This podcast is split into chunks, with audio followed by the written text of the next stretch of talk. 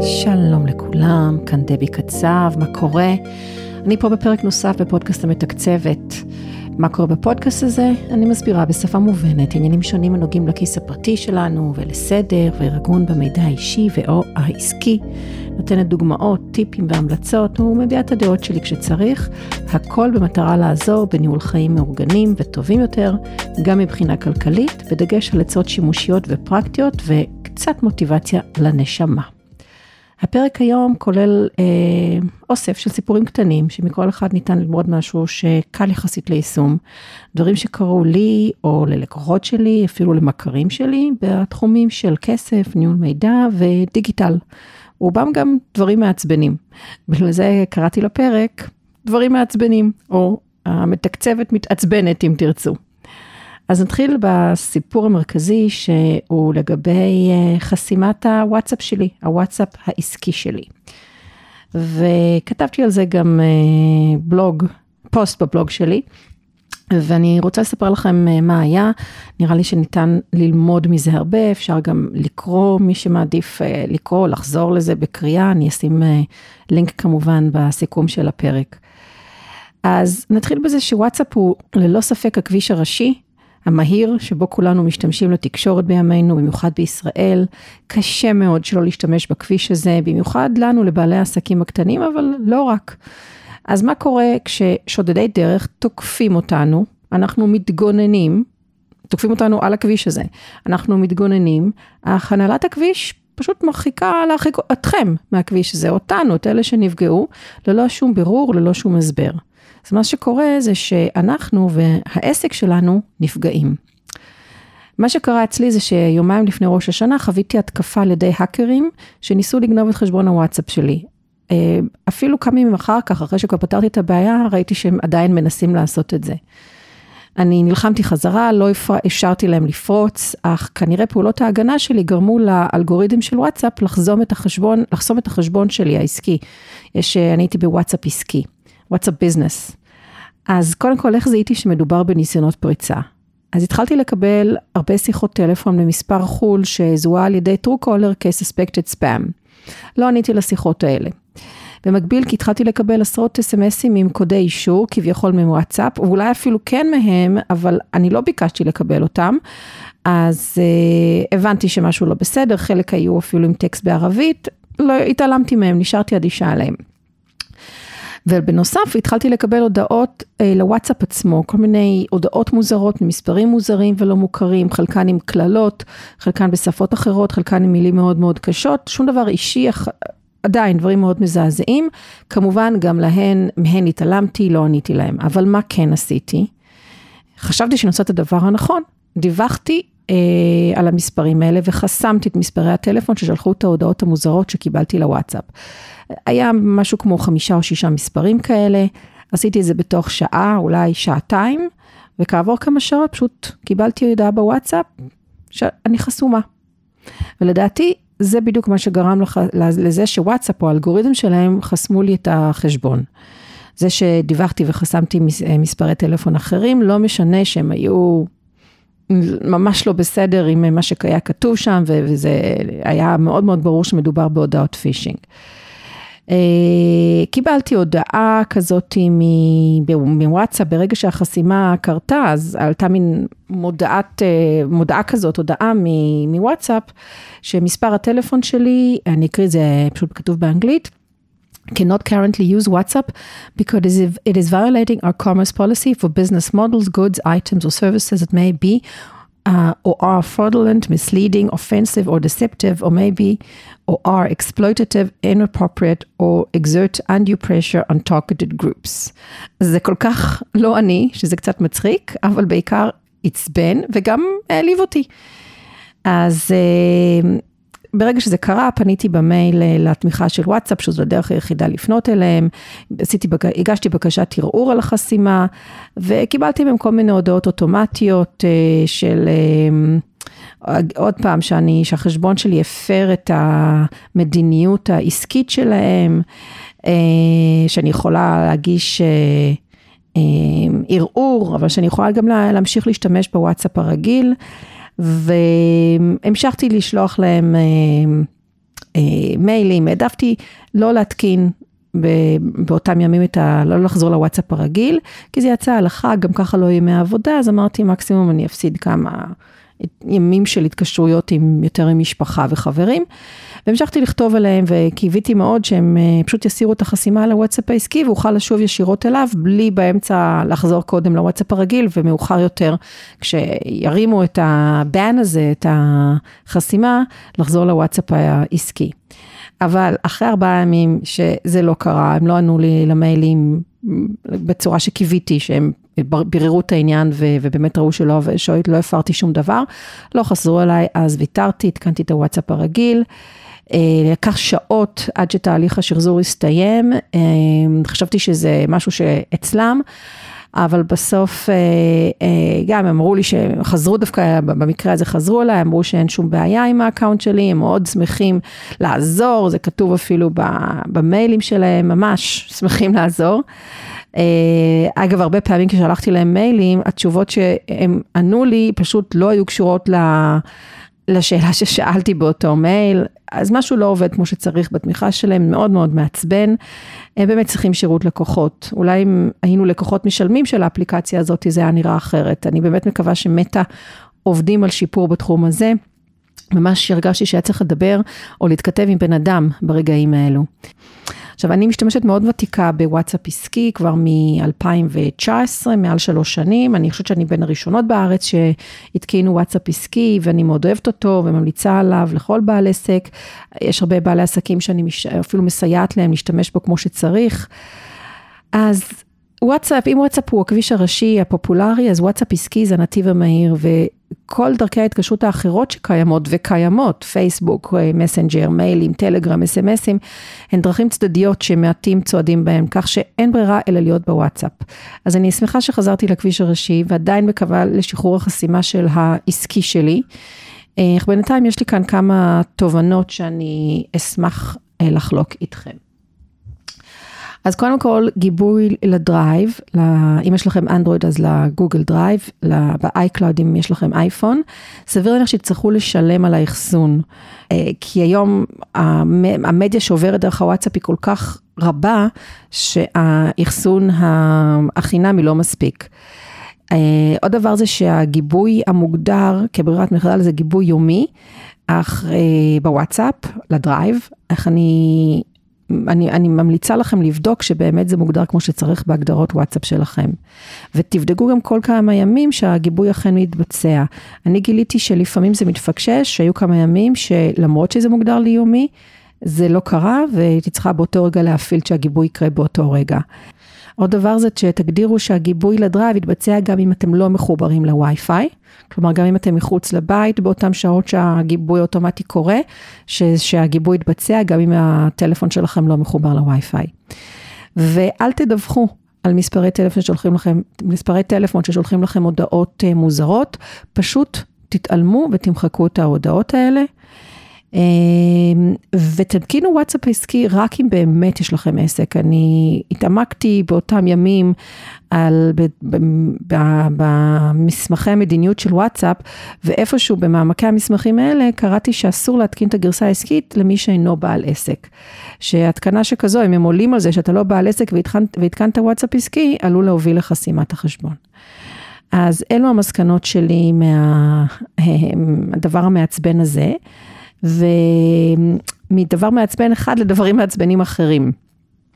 עוד דבר שכן קשור גם בכלל לנושא הזה של הודעות, אני מאוד מאוד אוהבת הודעות כתובות, אני פחות אוהבת אה, שיחות טלפון ככה מתקשרים אליי, מה שנקרא out of the blue, לא כי אני לא אוהבת לדבר בטלפון, אני אוהבת uh, כשצריך, אין בעיה, אבל אני מוצאת שהרבה אנשים, גם לקוחות מתעניינים, או, אה, או מתעניינים יותר נכון, uh, בעלי מקצוע, כל מיני... אנשים שרוצים לדבר על, לא יודע, אפילו שיתופי פעולה, במקום לשלוח הודעה, מתקשרים ככה באמצע היום, טלפון. עכשיו, רובנו כבר התרגלנו שלא מתקשרים ככה סתם, קודם שולחים הודעה, נגיד בוואטסאפ או אפילו במסנג'ר, למי שאין וואטסאפ או שהוואטסאפ שלו חסום, מבררים מתי אפשר לדבר, אם אפשר לדבר, כותבים על מה רוצים לדבר ואז מתאמים שיחה. זה הרבה יותר נכון כי רובנו במהלך היום עסוקים עם מיליון דברים ועכשיו לעצור את הכל לשיחת טלפון, כשאין לנו מזכירה או מזכיר או מישהו שיכול לקחת הודעות בשמנו, זה מאוד מאוד יכול להפריע לריכוז שלנו. אז באמת, אני, אני מציעה לעשות את זה. קודם כל, לשלוח הודעה, היי, אני, זו דבי, אני רוצה לדבר איתך או איתך על זה וזה, מתי זמן טוב להתקשר. ואז להתקשר ולדבר בסבבה.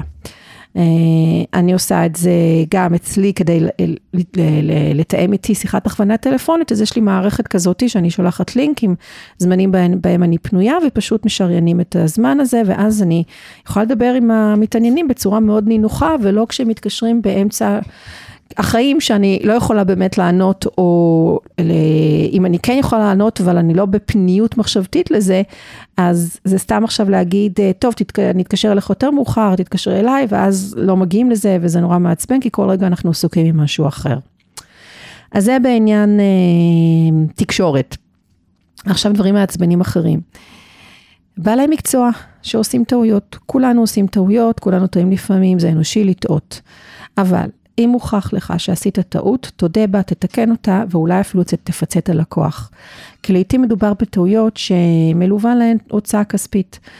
קרה לאחרונה ללקוחה שלי, שמישהי שהיא סופר סופר מסודרת, שהיא עלתה על טעות של רואה החשבון שלה בדוח השנתי, היא התעקשה מולו, טלפונית, בהודעות, במיילים שיש טעות, והוא המשיך לטעון שאין טעות, ונתן כל מיני הסברים ל...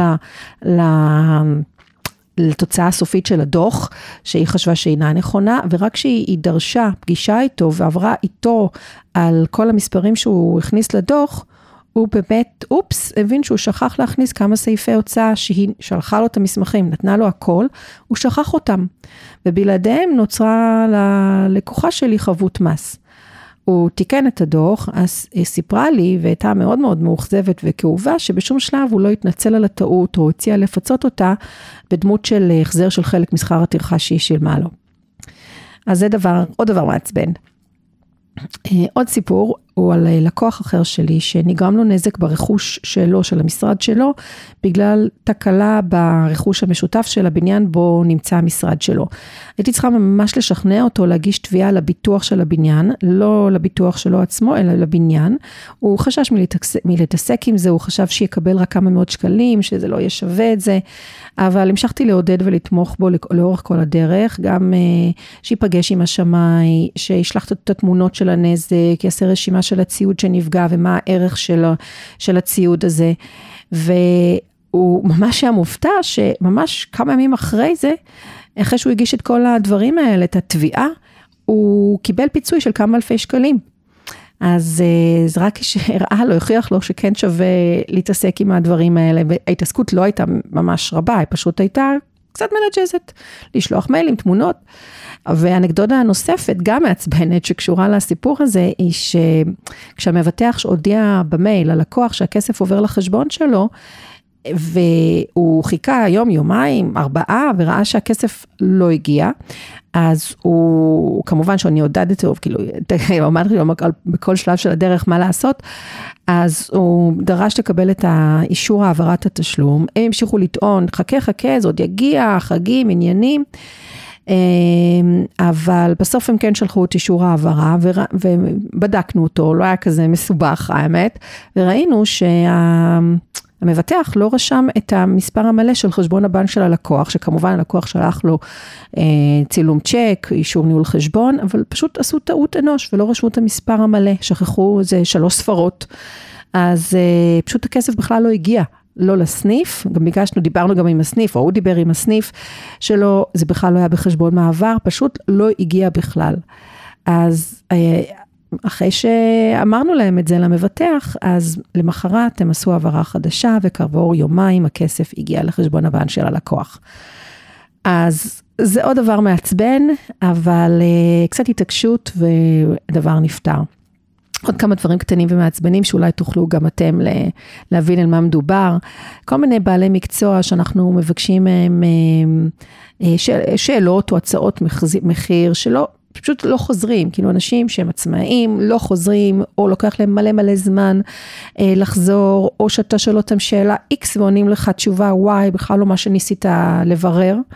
שאני אומרת לעצמי, איך, כאילו איך, יש פה פוטנציאל כסף על הרצפה ואתם פשוט לא עונים, או לוקח לכם שבוע לחזור, או פשוט לא עונים לעניין. אה, או בעלי מקצוע שקובעים איתנו שיחה לגבי איזה שיתוף פעולה, אך קובעים ממש מועד, שעה מסוימת, ברגע האמת הם לא זמינים, פשוט לא עונים, לא מודיעים שיש עיכוב, אה, או כאלו אחרים שאחרי שביקשו להיפגש איתנו, ולא טורחים לקרוא קצת עלינו. לא, כאילו מי אנחנו, פשוט מבקשים בשיחת ההיכרות שנספר להם את כל הסיפור, ולא טרחו אפילו לפתוח, לראות אם יש עמוד פייסבוק, אתר אינטרנט, קצת לקרוא רקע. וגם אצלי זה קורה שאנשים רוצים להתראיין לפודקאסט שלי, וכשאני שואלת אותם אם אה, האזינו לו בכלל, אומרים לי לא, או עוד לא. כאילו, אז איך אתם בכלל יודעים שאתם רוצים להתראיין אצלי? אולי הוא בכלל לא מתאים לכם. אז קצת קצת עבודת, אה, עבודת תחקיר, חקר, לפני שאתם אה, קובעים עם אנשים אחרים, ובאמת קצת עומק.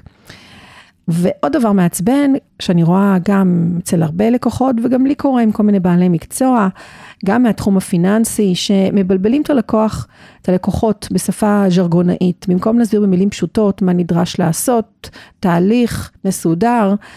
אה, במקום לעשות את כל זה, וזה יכול להיות באמת בנקאים, סוכני ביטוח, רואי חשבון, יועצים למיניהם, שמבלבלים בכל מיני דברים, או שאומרים הכל בטלפון מאוד מאוד מהר, לא טורחים אפילו לכתוב את זה מסודר במייל.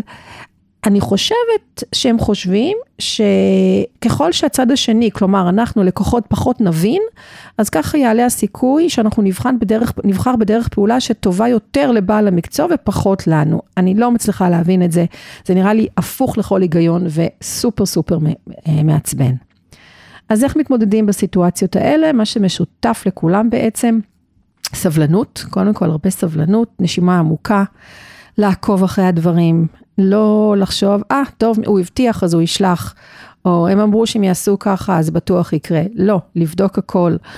לשמור את המידע שקשור לעניינים האלה, לא משנה לאיזה עניין, בצורה מסודרת, מתויקת, כמו שצריך, במחשב, בענן, ולא לוותר, להמשיך להתעקש. אם אתם חושבים שאתם צודקים, אז להמשיך אה, להתעקש, אבל למרות שאמרתי לא לוותר, אני כן חושבת שלפעמים יש פעמים שכן שווה לוותר.